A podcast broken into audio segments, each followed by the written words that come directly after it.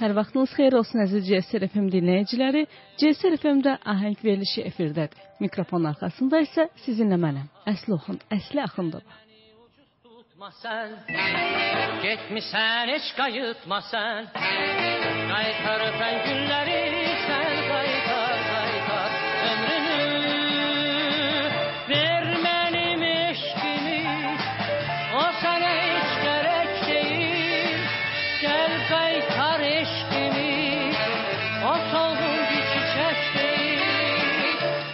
Bəli, əziz dinləyicilər, bu mövsümün son əfirində sizinlə Azərbaycanlı bəstəkar Oktay Kazıminin həyat və yaradıcılığından danışacağıq. Elə isə qulağınız bizdə olsun.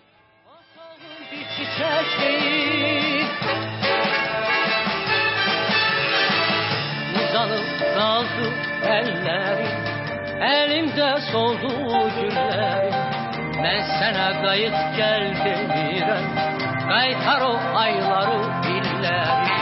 Gəl məni ucuz tutma sən Getmisən heç qayıtma sən Qaytar öpən günləri sən Qaytar, qaytar ömrünü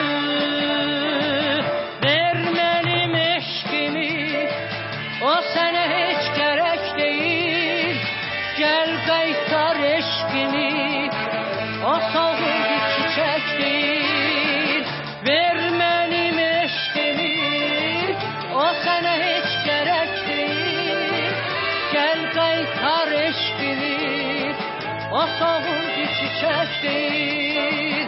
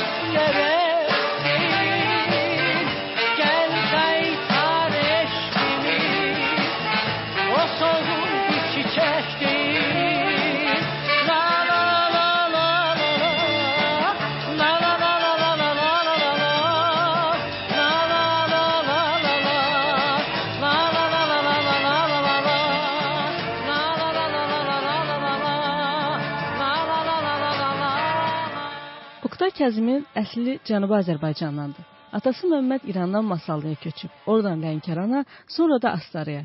Oktay Kəzimi Astarada doğulub. Üç qardaş, iki bacı olublar. Anası Rahilə savadlı olub. Astarada mama ginekoloq işləyib. Atası isə müsahib, mühasib idi. Yollarda qalıb gözləri Biz könül olayan Biz ürək olayan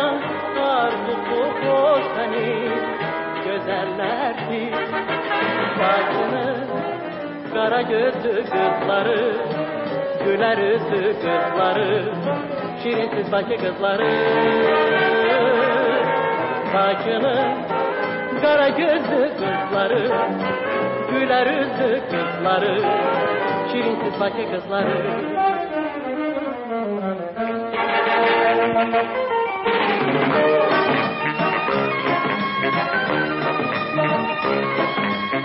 Gezip çok şehirler görmüşəm mən, baxıb çox gözəllər görmüşəm mən. Ailədə ondan başqa musiqiçi yox idi. Onun isə uşaqlıqdan musiqi həvəsi var idi. Balaca olanda özü taxtadan tar düzəldib, qonşu uşaqları başına yığıb tar çalarmış. Anası isə onun həkim olmağını istəyirdi. Oktay Kazimi də onun arzusu ilə tibb fakültəsinə daxil olur. Amma burada çox az oxuyur. Oradan çıxıb Asif Zeynallı adlı orta ixtisas musiqi məktəbinə daxil olur. Xor dirijorluq fakültəsində oxuyur. Hacı Xan Məmmədovun sinifində. Sonra da konservatoriya bəstəkarlıq fakültəsinə girir. Cövdət Hacıyevdən dərs alır.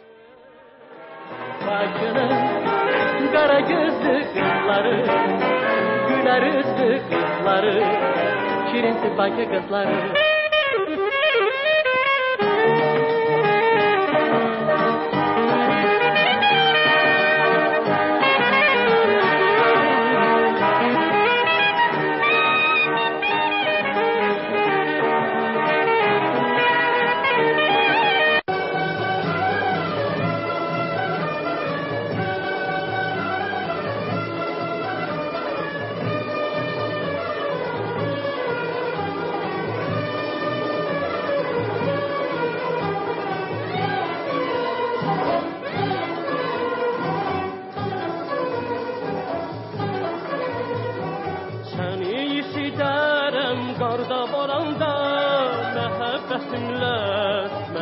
hasretimle Seni yaşadarım daim yürekte.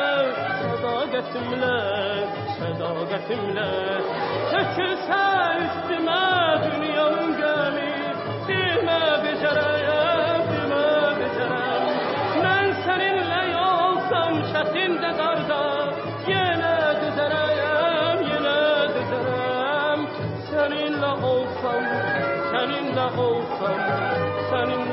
Olsam, yar səninlə mən, səninlə olsam, səninlə olsam, səninlə olsam, yar səninlə mən.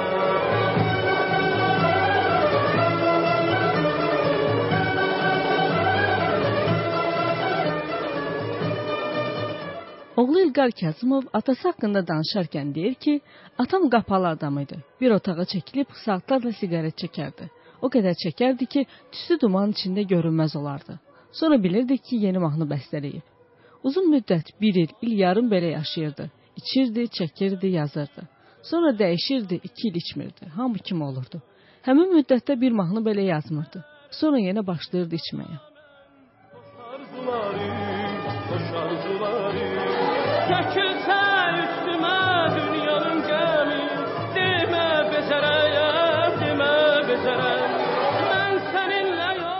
Mahnı tam hazır olana kimi biz onun notunu da eşitmirdik. Çünki mahnını əvvəlcə beynində bəstələyirdi. Tam hazır olandan sonra pianoda çalırdı. Bir də görürdük ki, gecə saat 3-də Cabir Novruza zəng elədi. Deyirdi Cabir, qulaq as. Gör mahnının nəqarəti necə alınıb. Cabir Novruzla dost münasibətləri var idi. Onun sözlərinə çox mahnı yazmışdı.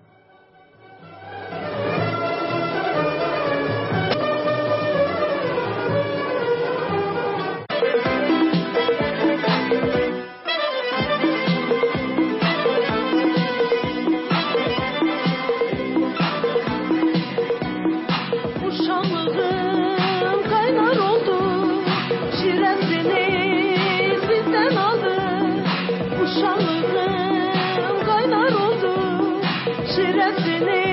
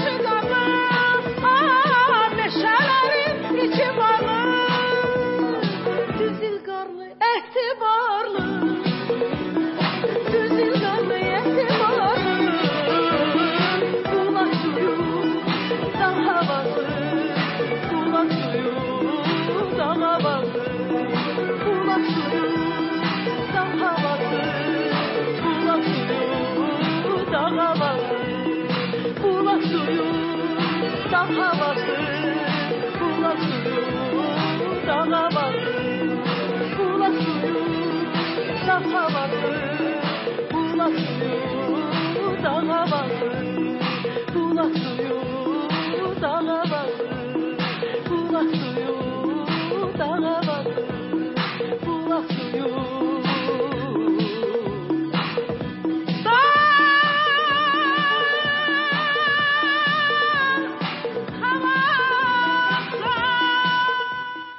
900-ə qədər olar mahnısı var. Elə mahnılar var ki, hələ özə çıxmayıb. Elə not üzərində qalıb. Ən yaxşı mahnılarını 60-cı illərdən 80-ci illərə kimi bəstələyib. Azərbaycanda ilk rock, rock operasını da o vaxtlar o yazıb. 80-ci illərdə həkimlərdən ibarət bir caz qrupu da yaratmışdı. Oğlu deyir ki, onun yaradıcılığının ən gözəl vaxtları mənim uşaqlıq illərimə düşür.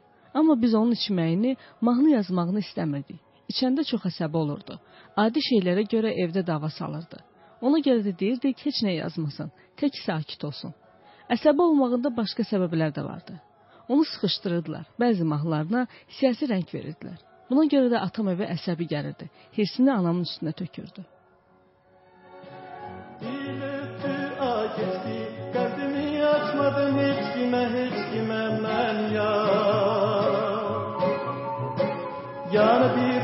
σε κοιμηθείς ομπρέμαν και τις κινέντις κινέντις κινέντις κινέντις εννιά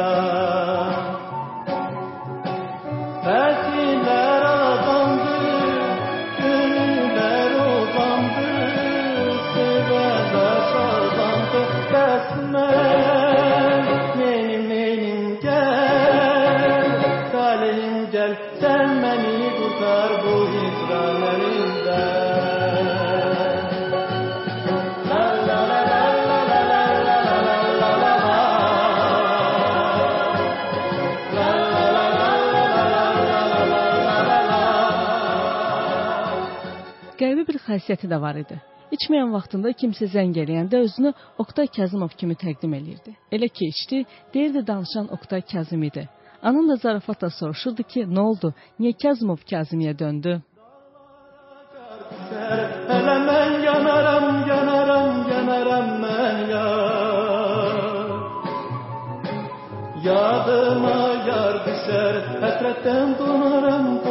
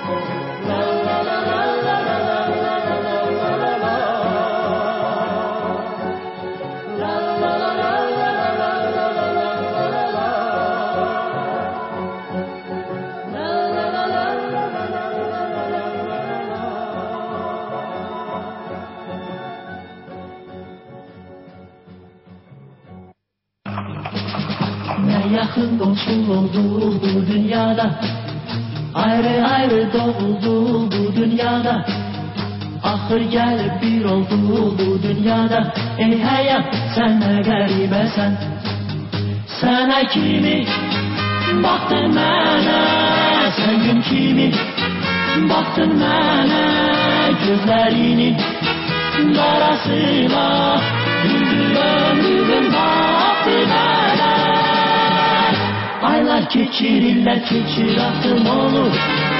Yadlar gəlir, doğma olur, yaxın olur Məhəbbətlərdən ömür nağıl olur. Ey həyat, sən nə qəribəsən Ey həyat, sən nə qəribəsən Bu yılgar yaşattı canımızda. Gençlik eşki kaynadı kanımızda Doğum oldu atamız anamızda. Ey hayat sen ne garibesen Sana kimi Baktığına sen gülkini Baktığına gözlerini. Karasıyla güldü ömrüm Baktığına Aylar geçir, izler olur. Yazlar gelir dolma olur yakın olur. Merhabetle öten ömür nağıl olur. Ey hayat sen ne الحياة أنا قلبي بس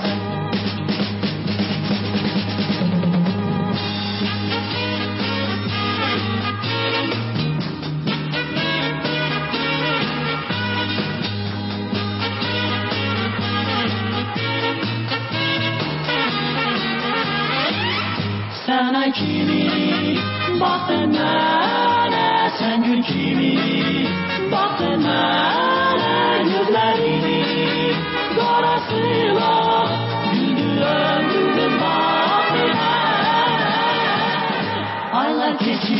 Keçir, axın olur, yadlar gəlir, doğma olur, yaxın olur. Məhəbbətlə ötən ömür nağıl olur Ey həyat sən də qəribəsən Ey həyat sən də qəribəsən La la la la la la la la la la la la La la la la la la la la la la la la La la la la la la la la la la la Ey həyat sən də qəribəsən عناية عناية لباس لا لا لا لا لا لا لا لا لا لا لا لا لا لا لا لا لا لا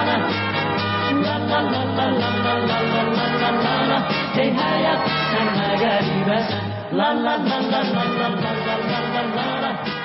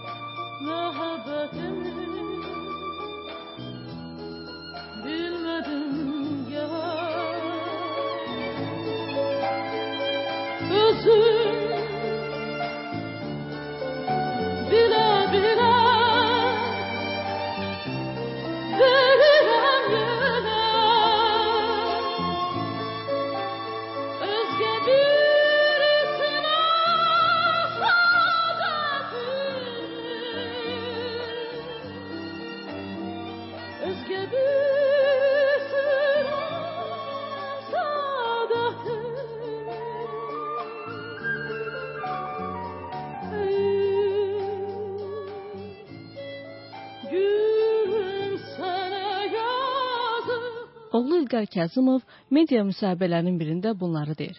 Atam heç kəsə tabe olmağı sevmirdi. Heç bir işdən ötürü kiməsə ağız açmazdı. Hətta çox ehtiyac içində yaşadığımız dövrdə belə heç kəsdən nəsə xahiş eləməyib. Həm də çox sadə adam idi. Yazdığı mahnılara görə müğənnilərdən pul götürməzdi. Ağadaş Ağayevə 2-3 mahnı yazmışdı. Ağadaş deyirdi ki, Oqtay müəllim, nəyisə ehtiyacınız olsa, gəlin mənim yanıma. Amma atam heç vaxt ona ağız açmırdı.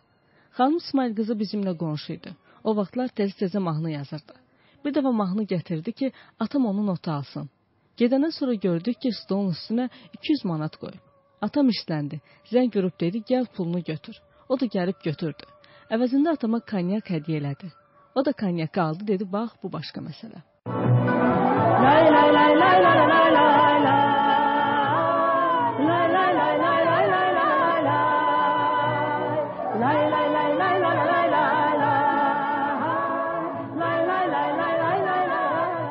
Atam pulgir adam değildi. Şan, şöhrət, fəxri ad, belə şeylər heç vaxt onu düşündürməyib. Rəhmətlik Cabir Novruz ona həmişə kömək eləyib. Atamı qorumağa çalışıb. Yadımdadır, bayıldı balaca evimiz var idi. Ey həyat sən nə qərbəsən mahnısını orada yazmışdı.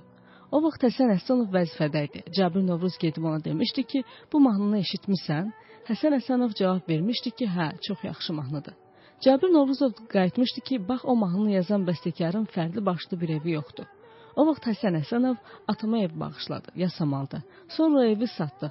Bir dəfə də Əbülfəz Elçibəyin köməkçisi atamı yanına çağırıb demişdi ki, Oqtay müəllim, nə isə ehtiyacınız var, nə lazımdırsa kömək eləyək. Atam demişdi ki, mənə heç nə lazım deyil. Ömrü çiçe bedel oldu. Ah, sevinç oldu, keder oldu.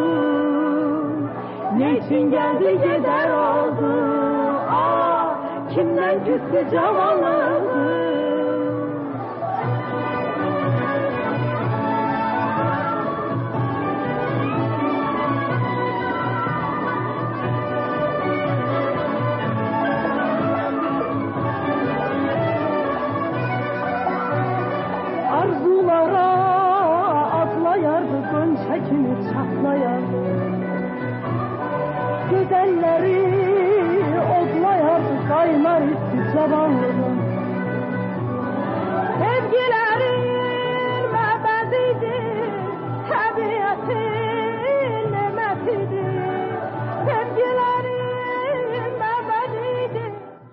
Kazımov ata kimi ailəsinə, övladlarına çox az vaxt ayırıb. Oğlu deyir ki, çox az hallarda bizi gəzməyə aparardı. Daha çox anamla olardıq. Qayğılarımızla o məşğul idi. Amma yadımdan heç çıxmaz. Həyatda hamının roliki vardı, mənim yox. Atamın pulu yox idi ki, alsın. Bir gün məni şəhərə apardı, sonra həmin rolikdən aldı. Atamın heç vaxt pulu olmayıb. Əlinə pul gələn kimi dağıdırdı. Dostlarıyla yeyib içirdi. Ne için geldi gider oldu ah, Kimden küstü zavallığı Anamdan əvvəl bir yəhudi qadın evli olub. İki qızları varmış. Sonra anamla evlənib. Amma anam da son, son olmayıb. Bir aktrisi, aktrisa ilə sevgi macəraları yaşayıb. Bir təsadüf isə bu sirri açdı. Zotski saylı məktəbdə oxuyurdum. İkinci sinifə keçmişdim. Bir gün am- anam eşidir ki, həmin məktəbdə Oqtay Kazımovun bir oğlu da oxuyur. Birinci sinifə gedir. Anam araşdırır. Sən demə bu uşaq atamın həmin aktrisadan olan oğluymuş. Evdə dava olur. Anam boşanmaq istədi. Atam razı olmadı. Nəysə, axırda anam sakitləşib oturdu. Məni həmin məktəbdən çıxarıb başqasına qoydular. Atam isə anamla dalaşan kimi pal-paltarını götürüb onun yanına gedirdi. Aylarla orada qalırdı. Əslində atamın həyatında çoxlu qadınlar olub. Biz bir ikisini bilirik. O həyatını sevgisiz yaşamayıb. Yəqin elə ona görə də sevgi haqqında elə gözəl mahnılar bəstələyib.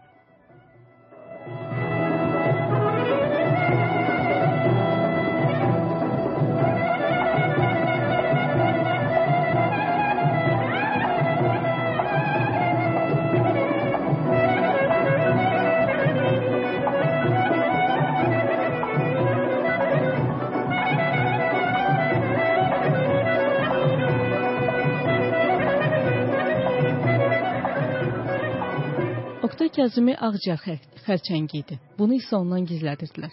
Təxminən 20 gün xəstə yatıb. Son günlər isə tez-tez saatı soruşarmış.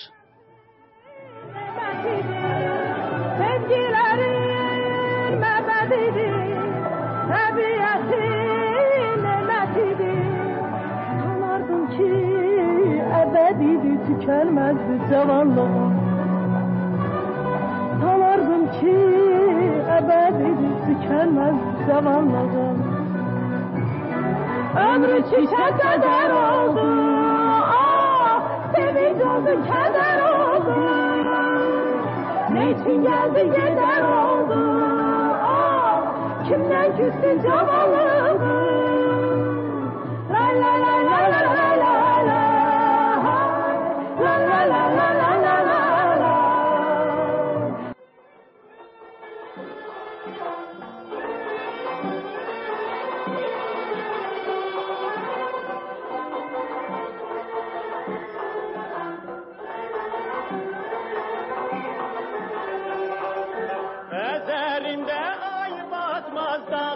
taşı oyatmaz Ezerinde ay batmaz dağına taşı oyatmaz. Hastaranı bir gören hiç vakt onu unutmaz. Hastaranı bir gören hiç vakt onu unutmaz. Ben geldim salam ile nazını bile bile. Sen ise güle güle beni gözledin, ezizledin.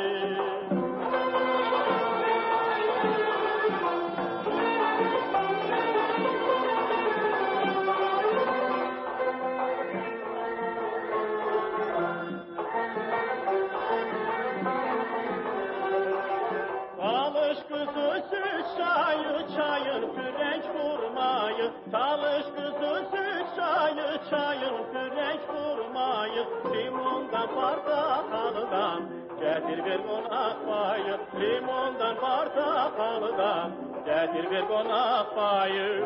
Ben geldim salam ile, nazını bile bile. Belə əziz dinləyicilər, bu günlük bizə ayrılan efir müddətinin sonuna gəlib çıxdıq. Bugünkü efirimizdə Oktay Kazıminin həyat və yaradıcılığından danışdıq. Bu mövsümlük isə bu qədər növbəti efirlərdə eşidilmək ümidi ilə xudahafiz.